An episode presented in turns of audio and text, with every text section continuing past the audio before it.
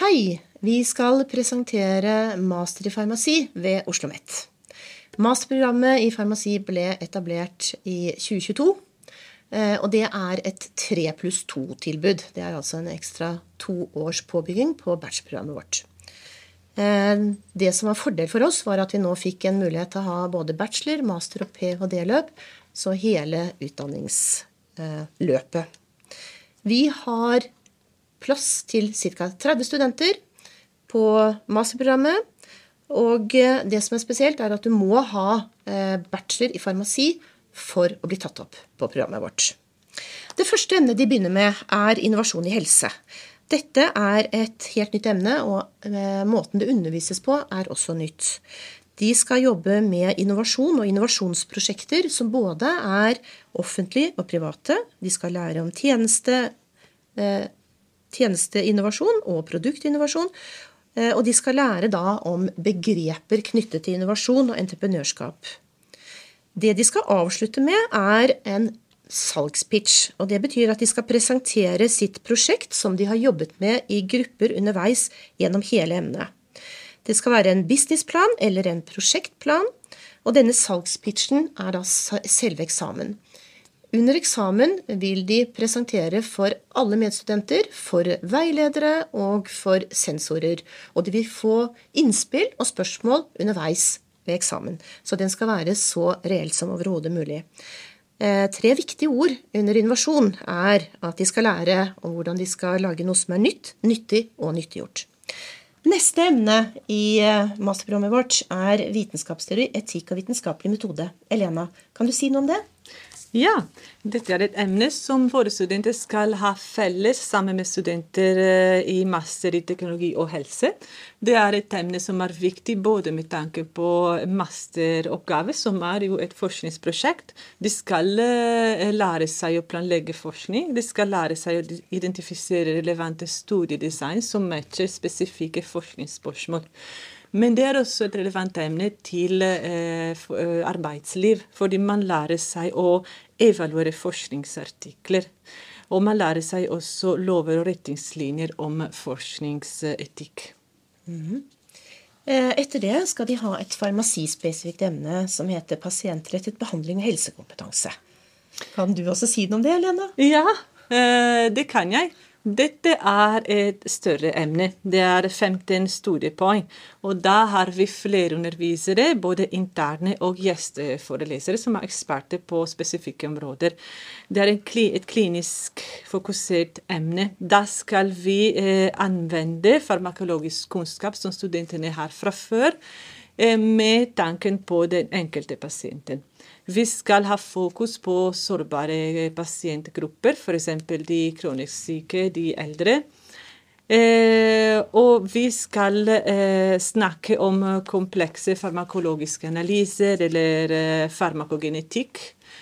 Og vi eh, alternerer caser og diskusjoner med ekskursjoner til eh, sykehus. Og så skal vi også snakke om helsekompetanse, som handler om å formidle helseinformasjon, noe som er ganske viktig til eh, farmasøyt. Ehm, her skal vi lære oss hvordan, hvor ligger kvaliteten på helseinformasjon som pasienter finner f.eks. på nettet. Og vi skal eh, lære oss å snakke om eh, relevante ting, f.eks. risiko. Og, og veilede pasienter til å ta en informert valg om helsa. helse. Mm -hmm. Så nå har vi kommet til jul, og etter jul så begynner vi med et nytt evne som heter utvikling og produksjon av legemidler. Kan du fortelle om det, Sanko? Ja, det kan jeg.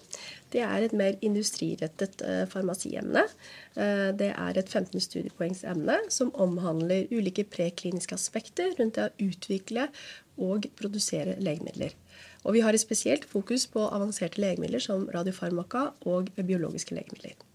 Studentene lærer også eh, mange moderne metoder rundt det å designe et legemiddel, rundt det å formulere og fremstille selve produktet, og også litt om forsyningskjeden og logistikk.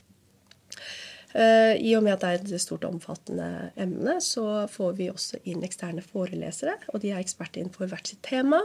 og fagområde. Så vi har da foreleser fra Statens legemiddelverk som snakker om det regulatoriske rundt det utvikling og produksjon av legemidler. Vi har f.eks. foreleser fra AstraZeneca som snakker om deres eh, ja, biologiske legemiddelproduksjon. Eh, vi prøver også å tilby en ekskursjon til et farmasøytisk firma. Og vi har tidligere tilbudt G, et, altså besøk til G Healthcare, som har fabrikklokaler og forskningslaboratorium her i Oslo. Mm. Mm. Så avslutningsvis, første studieår, så skal studentene ha et praksisemne hvor de skal ut i apotek eller sykehusapotek.